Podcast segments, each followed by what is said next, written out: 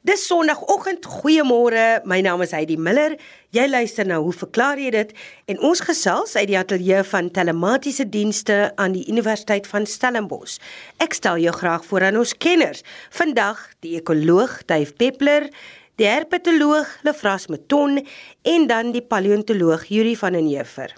Ons begin by Lefras Meton, 'n vraag wat hy ontvang het per e-pos van Ivan Johnston. Dit lees volg: is weer 'n spinnekop vraag, sê sy, hierdie keer oor die klein spinnekoppies wat so spring spring deur die huis trek. 1 is hulle bydrag en giftig. 2 waarvan lewe hulle en 3 hoe lank lewe hulle? Heidi, luisteraar, so oor die jare was dit vir my altyd die wonderlikste ding in my kantoor by die universiteit hierdie springspinnekoppie. Hulle is elke oggend as ek daar instap en sit hy maar daar by die wasbak rond en as jou vinger nader bring dan hop hy so weg en as jy hom so kyk dit lyk hy mos of hy sy kop so draai of jou vinger punt volg. Springspinnekoppe is eintlik 'n baie interessante groep. Die familie uh Salticidae uh wat hulle behoort is die grootste familie van alle uh spinnekoppe, die hele groep. Daar is 6000 spesies binne die familie. 6000 springspinnekoppies. Ek kon nie agterkom hoeveel in Suid-Afrika is nie, maar ek lei af 6000 in totaal moet hier 'n hele aantal spesies in Suid-Afrika voorkom.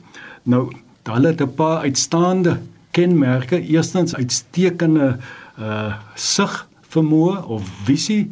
Hulle kan baie baie goed sien. Hulle het 4 paar oë, uh, met ander woorde 8 oë en die mediane paar is die grootste. Nou as mens nou so na so springspinnekoppie van naderby kyk, dan lyk sy voorkant sy kop is maar so afgeplat. Dit lyk soos 'n bus of 'n vragmotor se voorkant met die twee kopligte. Twee paar oë aan die voorkant en dan is daar nog uh, twee paar uh, oë aan die sykante en hulle kan eintlik 360 grade waarneem om hulle. Dit is verstommend en daar word gereken dat hulle hulle sigvermoë is die beste van al die geleedpotiges. En dan 'n tweede kenmerk is natuurlik in die naam spring. Hulle almal of die meeste van hulle is kan baie goed spring en hulle kan hulle eie liggaamslengte etlike male hulle liggaamslengte kan hulle spring. En natuurlik hierdie springvermoë word nie net gebruik om prooi te vang nie, maar ook om te ontsnap van predatore. En dan nog 'n kenmerk is dat hulle wat asemhaling betref, het hulle gebruik hulle boeklonge en dan ook 'n tracheale stelsel. Nou vir luisteraars wat nog nie gehoor het van boeklonge nie, dis nou nie werklik 'n longe soos by die mensie, maar 'n soortgelyke asemhalingsstruktuur Dit bestaan uit sulke plate van weefsel wat met uh liggaamsvloeistof gevul is en tussen die plate is dit lug en uh daardie plate gee die indruk van die blaaie van 'n boek en dit is hoekom dit boeklonge gedoen word. Die tracheale stelsel is maar net 'n stelsel van buisies. So hierdie spring spinnekoppe het dan wat ons noem 'n bimodale uh respirasie, hulle tweeledige respirasie. As ons na die bou van hierdie spinnekoppies kyk, hulle voorste ledemate is die langste en hulle gebruik hierdie pote om die prooi vas te pen, maar hulle word nie gebruik om te spring nie. Die agterste ledemate word gebruik vir spring en dit is nie dat hierdie agterste pote nou spieragtig is nie. Dit is 'n baie interessante stelsel hoe dit werk. Dit is 'n hidroliese stelsel. Hemolimf of liggaamsvloeistof word ingeforseer in die die ledemate in en dan skop die ledemate reguit en dan kry jy hierdie spring uh aksie. Wanneer die spinnekoppies spring, veral as hulle nou probeer ontsnap of selfs as hulle nou op 'n prooi wil spring, dan eh, maak hulle altyd gebruik van so 'n veiligheidslyn dat as hy nou mis spring, laat hy nie afval tot van waar hy sit nie, want dat daar sy draadjie uh vas is aan die substraat en dan kan hy weer teen die draadjie opklim. dit is nogals baie belangrik vir hulle. Yuri sê veiligheidskoord. Ek dink die spinnekoppe sal daarvan hou. Dit klink dit klink meer gevorderd as 'n uh, jy weet sommer net 'n spindraadjie. By baie spesies is hierdie veiligheidsdraad ook geïmpregneer met feromone. So dit is hulle kan dan die feromone ruik of daardie feromone volg en so kan hulle weer hulle pad terugvind en natuurlik ook met kommunikasie tussen individue uh, kan die feromone dan nou 'n rol speel. Nou al die springspinnekoppe is in die dag aktief en uh, dan aan die aand dan oornag hulle in sulke uh ons kan amper sulke rol skilplekkies van sydrade wat hulle wel in die buite ek dink nou net aan my kantoor maar hier allerhande hoeke sal jy maar so 'n struktuur sien wat wat duidelik dui dat daar is 'n spinnekop. Hulle slaap daar hulle kan selfs daar oorwinter as dit nou buite in die tuin sou wees en die wyfies gaan ook hulle eiers daar in lê. Ek ken springspinnekoppe as redelik klein ek dink die Hulle is ook die meeste van die spesies is relatief klein, uh, enigiets van 3 tot 17 mm in deursnit. Dit is dit is baie klein. En interessant dat daar's al baie eksperimente gedoen op hierdie spinnekoppies en hulle het skynbaar die vermoë om te leer. Hulle kan kleure uh, erken en dit ook onthou. So dink net hoe groot daardie brein van daardie klein spinnekoppie is, so is eintlik verstommend dat hulle daartoe in staat is. Lefrasie is doodreg, daar is eksperimente gedoen in Denemarke waar jy hulle met voedsel kan kondisioneer dat jy 'n vlieg byvoorbeeld 'n kolletjie of 'n sirkel en 'n kruisie en dan um, sal hulle altyd na die kruisie spring waar die voedsel is. En die tweede interessantheid van hulle die pou spinnekoppe, daai verstommende gekleurde uh, spinnekoppe kom ook voor in die groep en dit bewys dat hulle wel ook kleurvisie het. Wanneer hierdie spinnekoppies jag, hulle natuurlik moet hulle uitsonderlike visie kan hulle op 'n redelike afstand die prooi of potensiële prooi raak sien en dan sal hulle stadig nader beweeg en dan daardie laaste die meeste van hulle spring op die prooi en dan heg hulle natuurlik nou hierdie veiligheidskoord vas sodat as hulle nou misspring dat hulle nie te, te pletter val nie. Maar dit is nie 'n gegeewe dat hulle in 'n reguit pad op die prooi sal sal afbeweeg nie. Hulle sommige van hulle kan 'n redelike ompad loop afhangende van die terrein, af by die een tak en op by 'n ander tak en dan uh by die prooi uh uitkom. As ons kom by wat hulle eet, baie van die van hulle eet mure en uh, ander uh, sal spinnekoppe eet. Daar is eintlik baie interessant dat van hulle uh, sal insekte wat aan 'n ander spinnekop spesies se web gevang is, sal hulle gaan steel. So die die die wetenskaplike woord is 'n kleptoparasitisme. Hulle hulle steel uh die die prooi van ander spinnekoppe en dan ook interessant die van hulle wat ander spinnekoppe eet hulle sal na so 'n web toe gaan en dan vibreer hulle die drade van daardie web tot die die spinnekop nou kom ondersoek instel wat se insekte het gevang en dan sal hierdie springspinnekoppie hom natuurlik bespring en dan nou so vang. Nou die meeste van hulle is karnivore wat enigiets sal eet natuurlik nou nie te groot nie vliee klein muggies, mure, enigiets wat eetbaar is sal hulle eet, maar daar is ook 'n paar van hulle wat planteetend is en dan is daar 'n paar wat wat nektar uh benut. Nee, nie uitsluitlik nie, hulle sal ook ander goed eet, maar hulle gebruik ook nektar. Uh, Dave, jy het nou net gesê van hierdie pragtige gekleurde uh forme wat voorkom kleur speel baie belangrike rol en daar's hierdie paringsdanse wat uitgevoer word en so die wyfies word baie beïndruk. Die, die mannetjies kan ook geluide maak spesiaal vir die vir die wyfies om hulle te beïndruk. Daar's verskillende tipes geluide wat gemaak word in die verskillende spesies. En as ons nou kom by daardie vraag, is hulle gevaarlik vir die mens? Hulle het hulle bietjie gif, maar hulle is absoluut skadeloos vir die mens. Hulle kan wel 'n uh, seker klein vliegie of iets uh, kan die gifskade aandoen, maar nie vir die mense. En ek het hulle beslis nie as buiterig of aggressief beskou nie. Jy kan met jou vinger naby hulle kom, hulle sal maar net wegop, maar hulle gaan jou nie storm nie.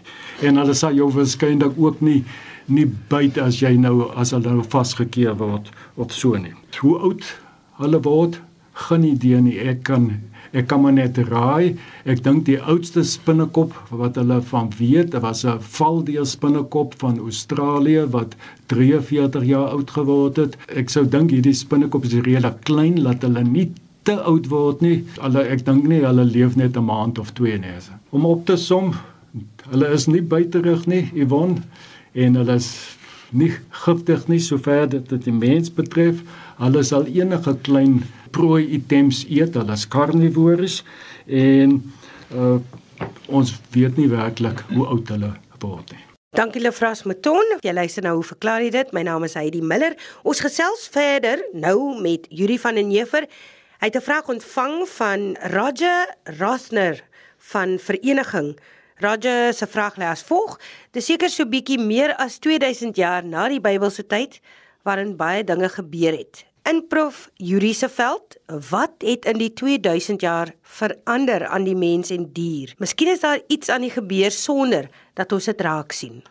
Goeiemôre Heidi, kollegas en luisteraars. Inderdaad, 'n vraag van uh, Roger Rothner wat eintlik baie slim is. Daar's lank gedink dat die mens die einde van sy evolusionêre pad bereik het in die sin dat klomp mense het gesê maar ons is nou klaar. Ons ondergaan nie meer evolusie nie. Gelukkig het hulle gou die fout daarin raak gesien want uh, die mens verander inderdaad nog en die wêreld verander inderdaad nog en ons is vandag so bewus daarvan met klimaatsverandering waar 'n uh, groot aantal spesies per dag uitsterf wat egter minder bekend is dat die klimaatsverandering sorg vir die ontstaan van nuwe spesies ook. Alhoewel mense dit nou nie te hard wil sê nie want dan gaan daar miskien persone wees wat sê wel laat God se water maar oor God se akker loop. Uh wat ons wel moet besef in hierdie situasie is dat daar in enige organisme in lewe self uh in die ontwikkeling daarvan is daar 'n sekere plastisiteit wat kan verander. Uh en een eenvoudige voorbeeld dat ons vandag baie uh agterkom is dat daar van veral van die jong mense hulle verstandtande laat trek. Dit ontwikkel nie korrek nie. Daar's nie eintlik plek daarvoor nie.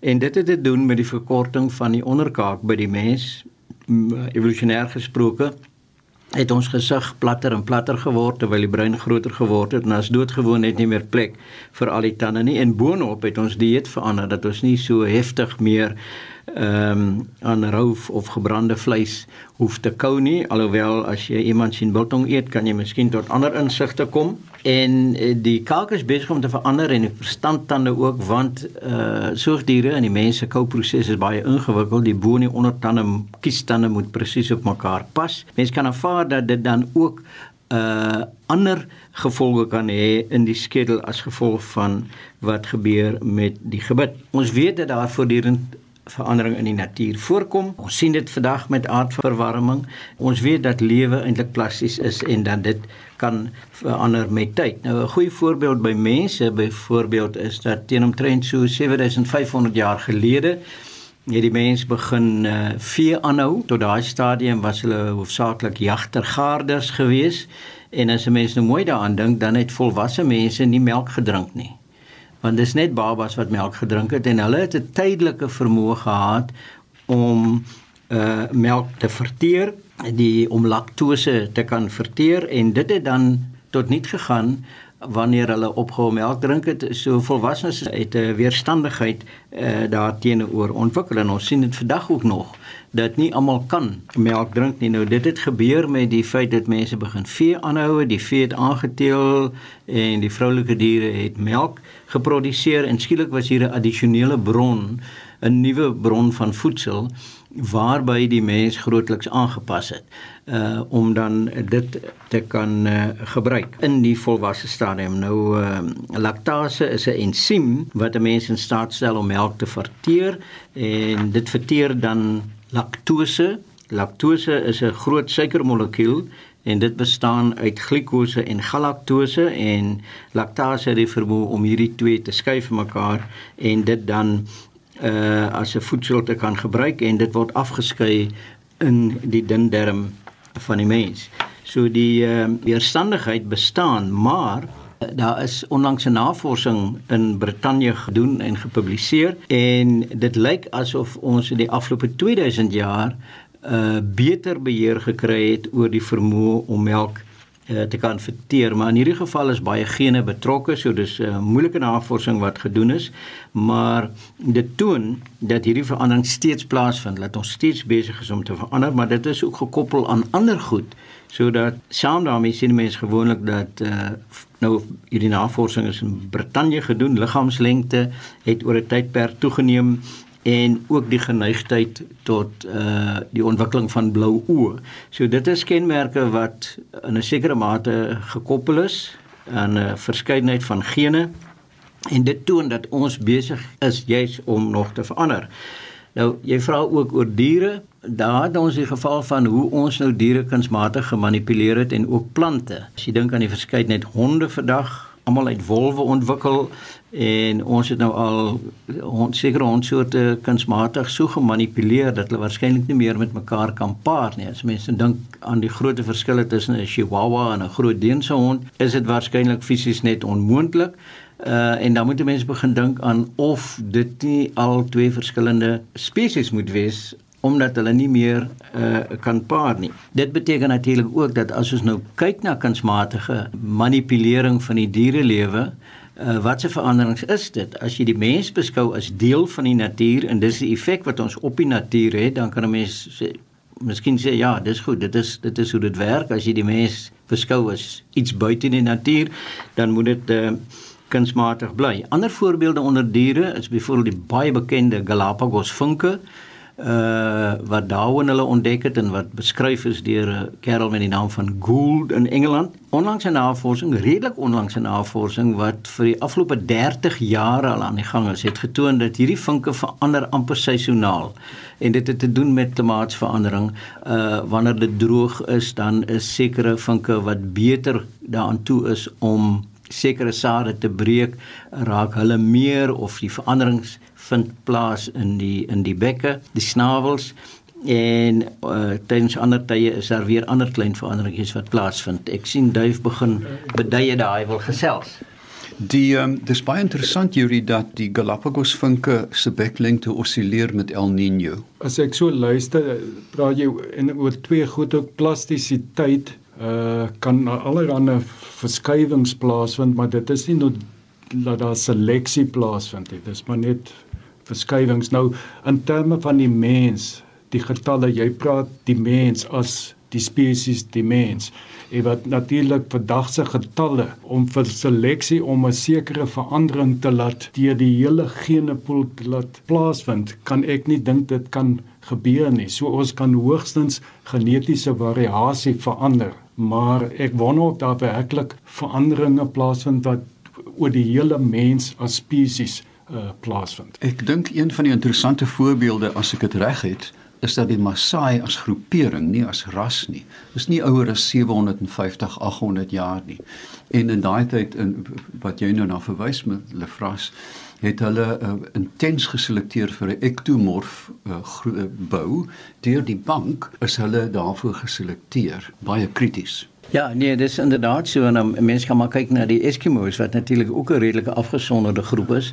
Ehm um, by hulle in die intense koue is daar geselekteer vir 'n kort bonkige liggaamsvorm want jy weet eh uh, Bergman se reël pas word eintlik hier toegepas dat jy dan ehm um, beter hitte kan behou in koue dele terwyl die Ethiopiane en die ouens die lang afstand atlete het die tipiese Afrika warm klimaat dun uh, liggaamsvorm. So ek sê heeltemal mee saam dat ons word 'n globale populasie en dit is baie maklik om dan uh genetiese veranderinge te verswelg in daai hele groep mense. Maar as daar 'n uh, enigstens 'n mate van isolasie is, byvoorbeeld in die noorde van van van Swede is daar vir omtrent 80 jaar navorsing gedoen oor mense wat in daai armoedige yskoue toestande bly en hulle kon na die maas, die dogters en die kleindogters kyk in hierdie goed tesame met die uh, uitwendige faktore uh, die soort van epigenetiese faktore en en daar's 'n hele reeks veranderinge wat plaasgevind as gevolg van omgewingsfaktore wat dan vir 'n kort tydjie oorgeerf is. So ehm um, jy's jy's heeltemal reg met hierdie idee van 'n globale populasie, maar ons vind tog dat daar geïsoleerde uh aspekte is. Uh en laasens kan 'n mens miskien net praat van die voeltjies in uh, in Engeland van die uh, genus uh, Parus, die sogenaamde mees wat gedrag ontwikkel het om in die dae toe melk nog by die huis afgelewer is, het hulle eers in die kartonhouers en toe later die aluminium doppies van die melkbottels leer stikkend pik om by die room te kom. En dit is 'n gedrags aanpassing wat as gevolg van 'n verandering in die eet weer moontlik kan lei na nog veranderings. Ons sien dit ook in die oorblywende klere van die Romeinse soldate, uh, wat nog bekend is. Hulle was eintlik baie klein mense gewees en vandag se soldate as gevolg van beter kos en higiëne en oefeningsmetodes is baie groter.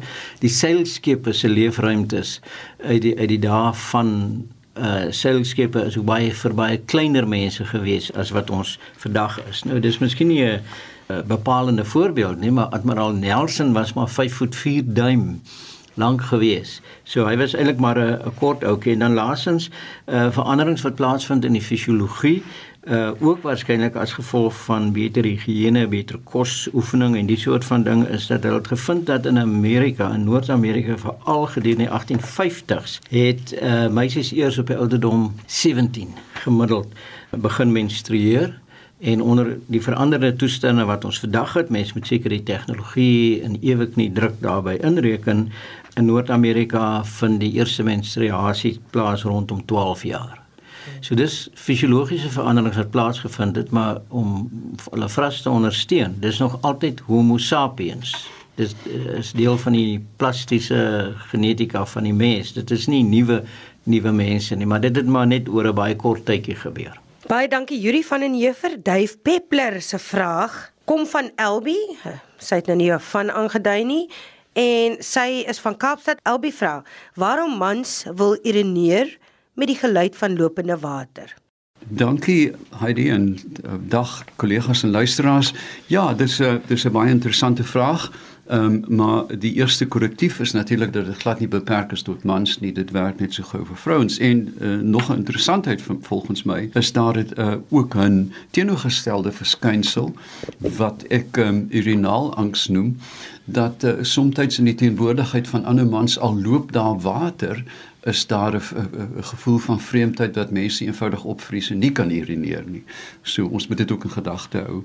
Ehm um, ons is natuurlik almal bekend met die eksperimente van Pavlov wat die verbasende en blywende eksperimente gedoen het met honde wat kwyl, jy weet as jy sit en droë wors eet en jou boerbul sit in 'n plas kwyl langs jou dan weet jy presies waar Pavlov die idee vandaan gekry het maar hy het honde gekondisioneer met 'n klokkie elke keer as hy vir hulle kos gegee het en mettertyd na 'n maand of 3 kon hy die klokkie lui en dan het die hond begin kwyl ons uh, spandeer 'n leeftyd lank uh, nou nie aldag nie maar in toilette besig met ons privaat uh, fisiologiese behoeftetjies en daarmee gepaard is daar gewoonlik die geluid van lopende water. Behalwe die geluid van urinering jy was jou hande dan tap dalk 'n bad water terwyl jy hierdie noodsaaklikhede doen. En daarom is daar die geassosieerde um, impuls by urinering. Uh, dit is so sterk dat uh, dit medies toegepas word veral met mans na prostaat chirurgie sit hulle hulle oorfone op met water wat loop as die, as die mans nie maklik kan urineer nie en dan gebeur die klein mirakel net daar. Wat wat egte vreemd is dat hier besonder min wetenskaplike studies gedoen is op die mens oor hierdie impuls. Nou ja, daar by urinering is daar twee fases, 'n stoorfase en dan die leegmaakfase. Daar is by die mens is daar twee fases in urinering, 'n stoorfase waar urine in die blaas opgeberg word en dan ook die leegmaak fase. Urine is natuurlik 'n byproduk van die menslike metabolisme en word deur die niere afgeskei via die uretra en die blaas. Nou ja, Dit bevat um, stikstofryke elemente soos urea, urinesuur en ook fosfate. Dit is interessant as 'n mens dink dat die gemiddelde uh volume urine per dag afgeskei deur die mense is in die orde van 1.4 tot 1.5 liter. Dis 'n klomp urine en dan moet jy dit nou begin transponeer na stad soos Kaïro of um of New Delhi waar daar 27 miljoen mense lewe. Uh die samestelling is hoofsaaklik water 91 tot 96% en dan is daar anorganiese soutte en organiese verbindings, proteïene, hormone en dit het 'n reuse impak hierdie uh hormone vir al die metaboliete daarvan uh wat dan nie noodwendig uh, onderskep word deur watersuiwering nie. Uh, um, 'n stad soos New York byvoorbeeld is die gewig van ongemetaboliseerde aspirine per jaar in urine in die orde van 30 ton. 30 ton ongemetaboliseerde aspirine word uitgeurineer en dit bring 'n mens natuurlik by multivitamiene en die goed dit werk hoofsaaklik nie want meeste daarvan word uitgeskei in die urine. Dan uh, verder die uh, ons kan nou terwyl ons met urine te maak het, uh, urine is gewoonlik strooi kleurig, die kleur daarvan, maar Ons weet ook dat um, met dehydrasie word die urine dan natuurlik minder afgeskei word donker oranje urine dui op geelsig, pink urine, ligpink as jy te veel beet eet, liggroen as jy asperges eet met 'n gepaardgaande reuk, dis byna onblikklik merkbaar binne 'n enkele minute nadat jy asperges eet, kan jy dit in urine optel. Hierdie gedrag van urinering met water wat loop is nie beperk tot net urine nie, daar's 'n hele suite van menslike gedrag. Glimlag, as iemand vir jou glimlag, is jy geneig om spontaan te glimlag.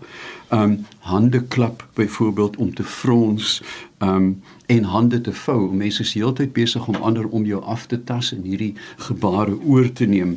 Daar is um, in die koöperatiewe wêreld 'n hele suite van gedrag wat saamgaan met onderdanigheid ensovoorts ensovoorts. So, um as jy weer water hoor tap, uh dink aan jou blaas, dink aan Pavlov en kry koers. Dave, ons is eintlik gelukkig as mens spesies dat ons nie urine gebruik om te merk soos baie Inderdaad. baie diere nie. Ja. Yuri daar is iewers in ons verlede die die die primate het nooit gemerk die middel van urine die middel van urine nie. By die nagapies word urine uitsluitlik gebruik om hulle territorium te demarkeer. Na aanleiding van wat jy gesê het, het ek gewonder as 'n mens deesdae na openbare toilet toe gaan en jy's klaar en jy was jou hande, dan is daar van hierdie windblasers wat uh jou hande droog maak en dan 'n uh, uh, sterk geluid produseer. Nou wonder ek as mens instap om te gaan urineer en jy hoor hierdie masjiene wat eintlik 'n teken is dat jy klaar geurineer het